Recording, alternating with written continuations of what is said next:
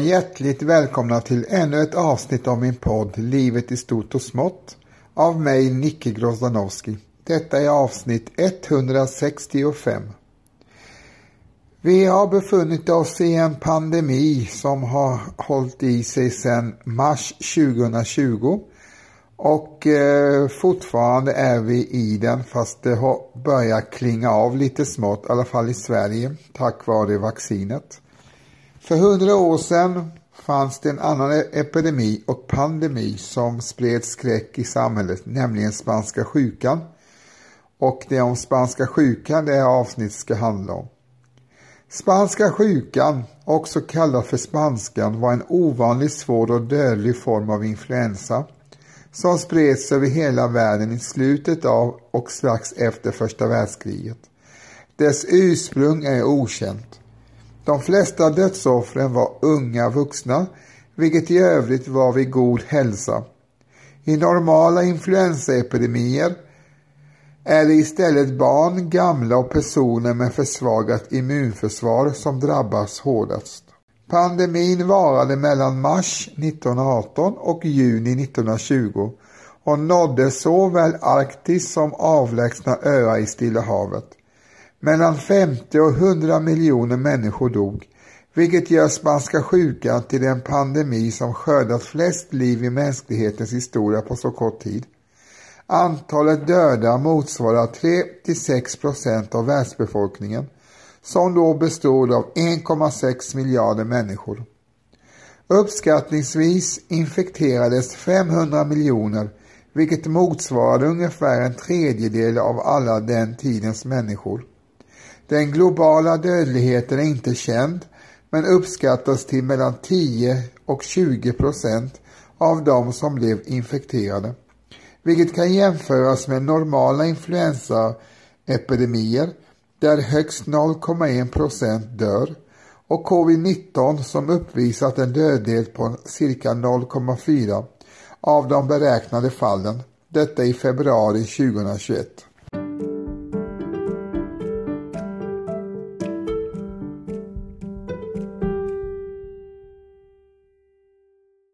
Spanska sjukan hade tre olika influensavågor. Den första vågen började i mars eller april 1918 och spreds över världen i samma takt som en vanlig säsongsinfluensa. Åtminstone USA, Frankrike, England och Tyskland drabbades tidigt. I maj följda av bland andra Spanien, Italien, Skottland, Grekland, Egypten och Balkan. I juni fanns rapporter från England, Tyskland, Schweiz, Österrike och Norge. Influensavågen liknade en vanlig säsongsinfluensa där symptomen var milda, dödligheten låg och de som dog oftast var väldigt gamla eller väldigt unga. I augusti 1918 kom den våldsamma och förödande andra vågen, vilket är en ovanlig tidpunkt för en influensaepidemi. Dödligheten var hög, 50-25 gånger högre än normalt och drabbade i ovanligt hög grad personer i åldersgruppen 20 till 40 år. Drygt hälften av dödsfallen inträffar i denna åldersgrupp. Denna andra våg spreds i ovanligt hög hastighet över världen. Kulmen nåddes på de flesta håll i oktober 1918. Pandemin mattades av kring årsskiftet men tog sedan ny fart i en tredje våg i början av 1919. Återigen drabbades åldersgruppen 20 till 40 år mest, även om dödstalen inte kom i närheten av den andra vågen. Efter dessa tre huvudvågor förekom spridda utbrott här och där, bland annat i Sverige våren 1920. De tre influensavågorna kom med ovanligt korta mellanrum. Alla uppstod inom cirka ett år och man vet inte exakt hur virusstammarna i de tre vågorna var besläktade. Pandemin uppträdde nästan samtidigt i Europa, Asien och Nordamerika. Och de speciella förhållandena under första världskriget med truppförflyttningar och stora militära anhopningar kan ha bidragit till att influensan spreds hastigt och med stor kraft.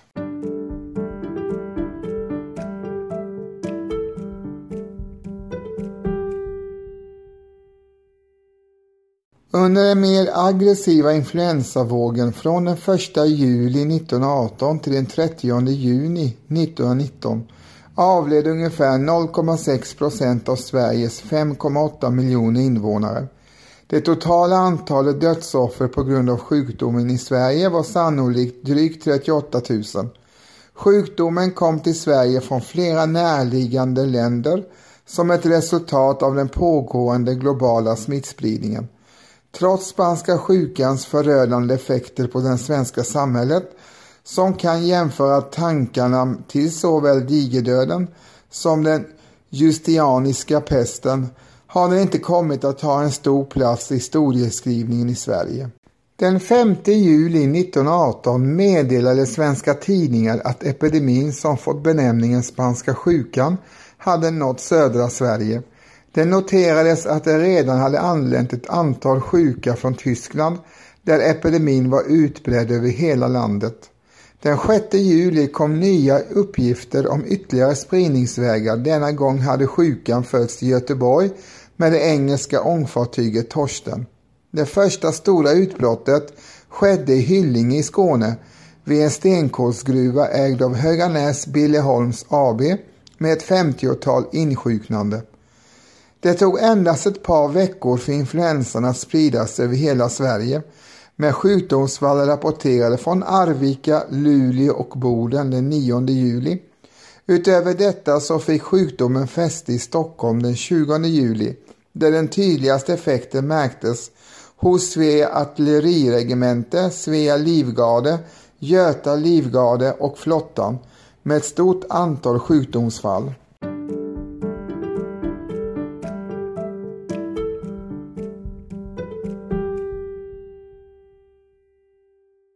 Den övergripande ansvaret gällande hälso och sjukvård i Sverige låg hos Medicinalstyrelsen. Styrelsens viktigaste uppgift var att förhindra ytterligare spridning av smittsamma sjukdomar, vilket bland annat sköttes via övervakning och inspektion av inkommande fartyg från epidemismittade städer. Utöver detta så var det även obligatoriskt för varje läns första provinsialläkare att lämna halvmånaders rapporter för att kunna kartlägga epidemins spridning och förekomst. Det lokala ansvaret låg hos hälsovårdsnämnder i städer och kommunalnämnder på landsbygden. Dessa nämnder skulle övervaka epidemisjukvården och se till att dess kapacitet motsvarade behovet samt underrätta respektive landshövding vid svårare utbrott och onödiga folksamlingar skulle undvikas. I den svenska epidemistadgan ålades städer och landskommuner att förbättra epidemisjukhusen och isoleringslokalerna. Utvecklingen gick dock trögt och trots en liten uppryckning under koleraepidemin 1892 inleddes inte någon större insats förrän 1910. 1918 fanns det drygt 6 000 platser på epidemisjukhus runt om i landet ett otillräckligt antal för att behandla en pandemi med så stor omfattning som spanska sjukan. Utöver detta omfattades inte influensa av den epidemilagstiftning som fanns under 1918 samt 1919, vilket gjorde det svårt för patienter som led av spanska sjukan att ta del av den beredskap som redan fanns uppbyggd. Under epidemin märktes ett stort behov av sjuksköterskor och distriktssjuksköterskor. År 1917 fanns det cirka 2500 sjuksköterskor inom svensk sjukvård, varav 1700 var offentligt anställda och 800 privata. Antalet distriktssjuksköterskor år 1914 var mindre än 500 och ökade i samband med sjukvårdsreformen år 1920 där begreppet distriktssjuksköterska definierades och en statlig skola inrättades. Behovet uppskattades vara tre gånger så stort som antalet tillgängliga distriktssjuksköterskor. En konsekvens av att distriktsvård var just den typ av sjukvård som var mest efterfrågad under epidemins utbrott 1918. En nyckelperson i grundandet av den statliga distriktssköterskeskolan och den formella etableringen av yrket var Kerstin Nordendahl föreståndarinna och sjuksköterskeinspektis för utbildningen.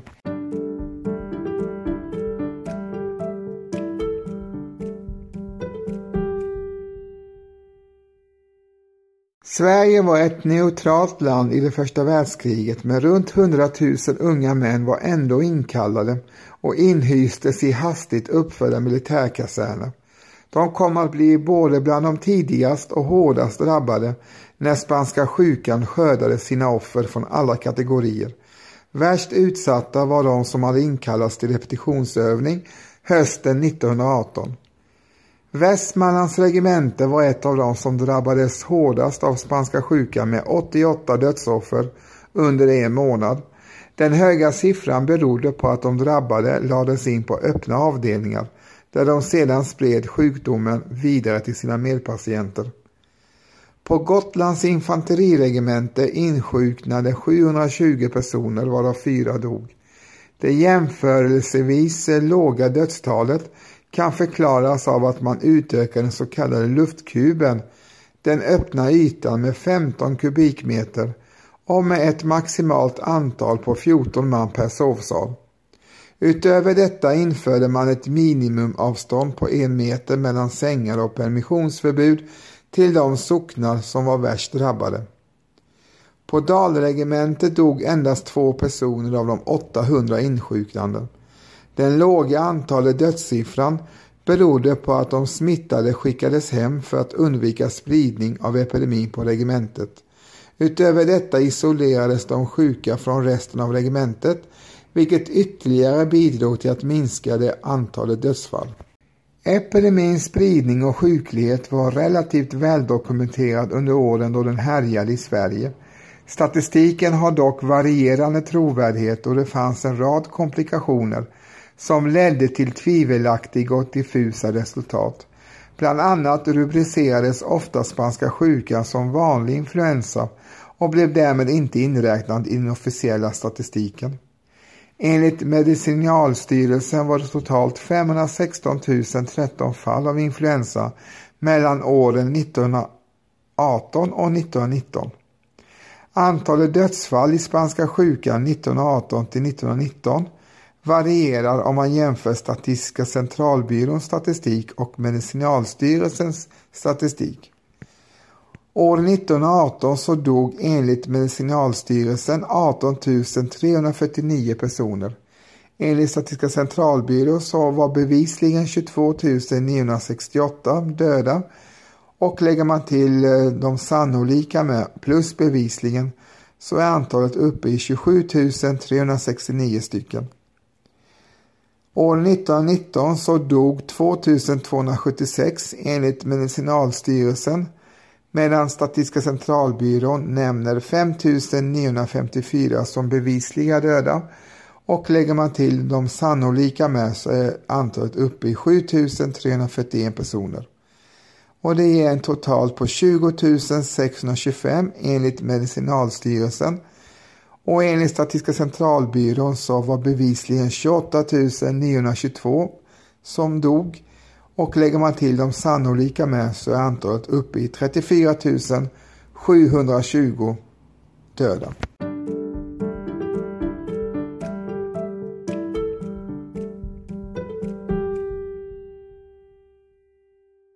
Spanska sjukan var ett omdiskuterat ämne inom svensk politik och det fanns en rad uppfattningar om hur epidemin skulle hindras. En av de starkaste rösterna vid epidemins utbrott var Svenska Läkaresällskapet. Sällskapet var en respekterad sammanslutning läkare med över hundra års erfarenhet och deras uttalande publicerades snabbt av pressen. En av nyckelpersonerna inom sällskapet var Arnold Josefsson, överläkare vid Provisoriska sjukhuset i Stockholm. Han hade tidigare gjort sig känd för sina publiceringar och bidrag till kampen mot tuberkulos. Josefsson framförde en rad frågor som rörde den praktiska bekämpningen av epidemin som förlängningen av skolornas sommarlov, uppmaningen att smittade skulle hålla sig borta från friska i den mån som gick och att värnpliktiga befriades från exercis i minst en vecka. Utöver dessa förslag riktade han även kritik mot Medicinalstyrelsens nihilistiska attityd och tystnad gällande den spanska sjukan. Josefsson kan beskrivas som en högst idealistisk person, driven av optimism, inte minst för sin syn på läkarens uppgift som samhällsvakt. Inom läkarkåren fanns det en rad andra respekterade personer som pressen valde att främja. En av dessa var Oskar Medin. Medin uttalade sig i en intervju som svar på ett yttrande av det svenska film- och biografmannasällskapet att upphäva den lokala stängningen av biograferna. I intervju menar att det rådde en influensapanik bland allmänheten som borde bekämpas. Hans uppmaning till allmänheten var citat Trotsa aldrig fara, men visa ej feg fruktan. Slutcitat.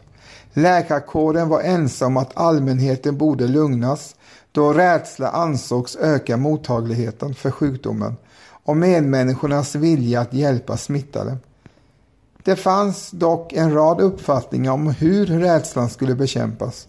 Josefsson menar att det var allmänhetens rädsla för myndigheter och Medicinalstyrelsens handlingsförlamning som låg till grund för den allmänna paniken. Hans opponenter menade snarare att orsaken till paniken var pressen och de läkare som offentligt uttalade sig kritiskt mot myndigheter istället för att framföra kritiken direkt till myndigheterna.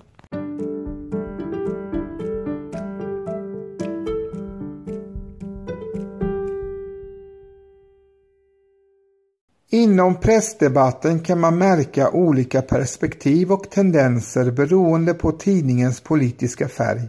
Vissa händelser rapporterades generellt som tragiska dödsfall.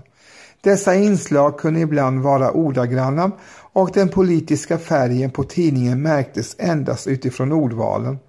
Den tendens som oftast fanns var ett positivt intresse för lokala åtgärder och kritik mot centrala myndigheterna och deras uteblivna åtgärder. Detta märks tydligast i de norrländska tidningarna som ofta hade en underton av att vara åsidosatta och missförstådda av de centrala myndigheterna i Stockholm. Vissa tidningar var dock mer förstående och positiva mot myndigheterna, som Västerås lokala tidningar. Den allmänna debatten hade olika drivkrafter i de debatter som rörde epidemins påverkan och hantering. En tydlig genomgående konsensus i alla de olika politiska organen och debatter som pågick var viljan att undvika panik. Detta då man trodde att oroande gav ökad mottaglighet till smitta och minskad välvilja att hjälpa medmänniskor. Tidningarna valde ofta att hålla en dämpad ton om spanska sjukan istället för braskande rubriker.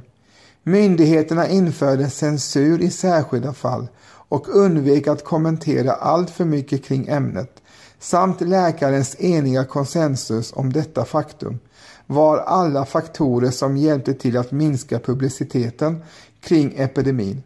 Nämnvärt är även att de allra största utbrotten av epidemin skedde under första världskriget då tidningarnas framsidor främst avhandlade kriget och uppmärksamheten riktades främst åt militära och politiska händelser i Europa. Detta gav incitament för att minska den publika rapporteringen kring spanska sjukan, något som starkt bidrog till den politiska debatten då viktigare frågor fanns att diskutera än epidemin.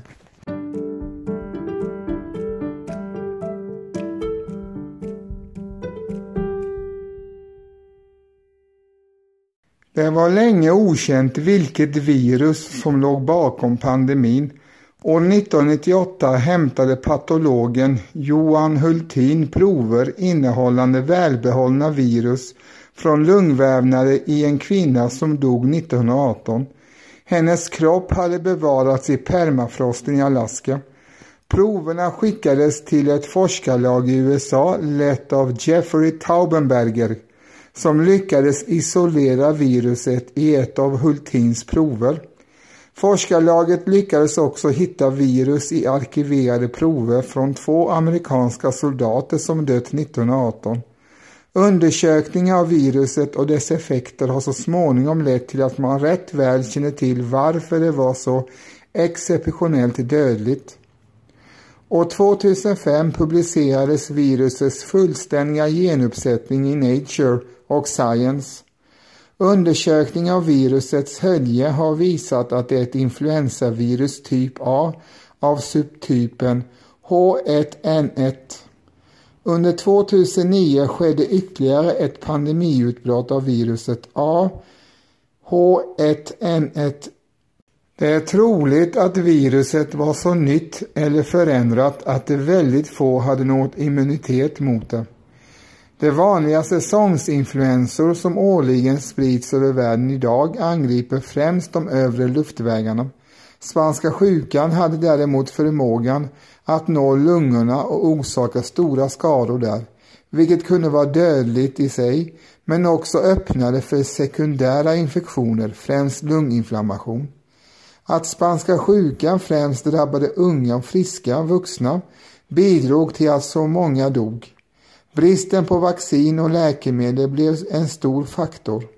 I Sverige drabbades Norrlands inland hårt på grund av bristande kommunikationer och brist på sjukvårdsresurser. Det är också möjligt att immuniteten var särskilt låg i dessa relativt isolerade delar av landet.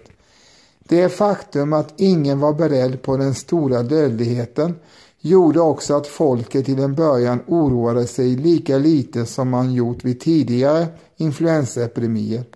I Arjeplog var bristen på sjukvårdsresurser en stor faktor eftersom det saknades läkare och influensan dessutom drabbade kommunen med en stor kraft på kort tid.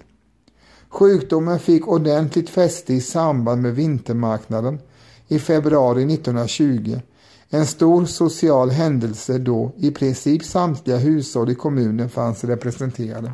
De flesta som dog avled på grund av bakteriell lunginflammation som fick fäste eftersom viruseffekter förstört epitelet i bronker och lungor. Unikt för spanska sjukan var dock den relativt stora andel som dog av direkta viruseffekter i lungorna, vilka orsakade lungödem och blödningar i lungvävnaden, svår bronkiolit och alveolit. Dessa allvarliga lungförändringar kunde leda till döden redan fyra dagar efter insjuknandet. De flesta dödsfallen skedde 6-11 dagar efter insjuknandet. Forskning har visat att spanska sjukan gav upphov till en överreaktion hos immunförsvaret. Influensan aktiverade gener som är kopplade till apoptos, programmerad celldöd, vilket i vanliga fall är ett effektivt försvar för att upphäva infektioner. I detta fall kunde celldöden bli så omfattande att stora delar av lungornas epitel förstördes, vilket kunde bli fatalt i sig självt men framförallt öppnade för fatal bakteriell lunginflammation. Detta kunde förklaras att man observerade att det var främst friska människor som blev hårdast drabbade, inte gamla och småbarn, eftersom ett starkt immunförsvar i detta fall ledde till en kraftigare överreaktion och mer omfattande skador i lungorna.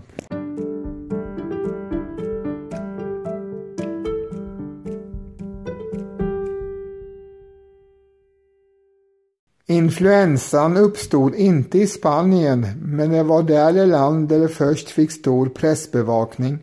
Landet var neutralt medan de krigförande länderna blockerade mycket av rapporteringen i medierna om influensan för att det inte skulle skada stridsmoralen bland vanligt folk. Och därför kom Spanien att framstå som epidemins centrum. Sjukdomen fanns till exempel i Frankrike, Storbritannien och Tyskland innan den nådde Spanien. Men dessa länder deltog ju i första världskriget, liksom exempelvis Portugal, och därför rådde censur. Stanley Cup-finalerna 1919 mellan Montreal Canadiens och Seattle Metropolitan ställdes in efter att flera av spelarna insjuknat och båda lagen delade på titeln. För en så omfattande händelse har spanska sjukan lämnat förvånansvärt få spår i populärkulturen Många romaner, dikter och sånger handlar om första världskriget, men nästan inga om spanska sjukan. Ett undantag är Mrs Dalloway 1925 av Virginia Woolf som utspelar sig i juni 1923 och där huvudpersonen Clarissa lider av sviterna efter spanska sjukan. Något som även gällde Wolf själv. Bland svenska författare har Birger Sjöberg Birger Sjöbergssällskapets årsbok 1971 och Eivind Jonsson, romanen om Olof del 5, haft egna erfarenheter av sjukdomen.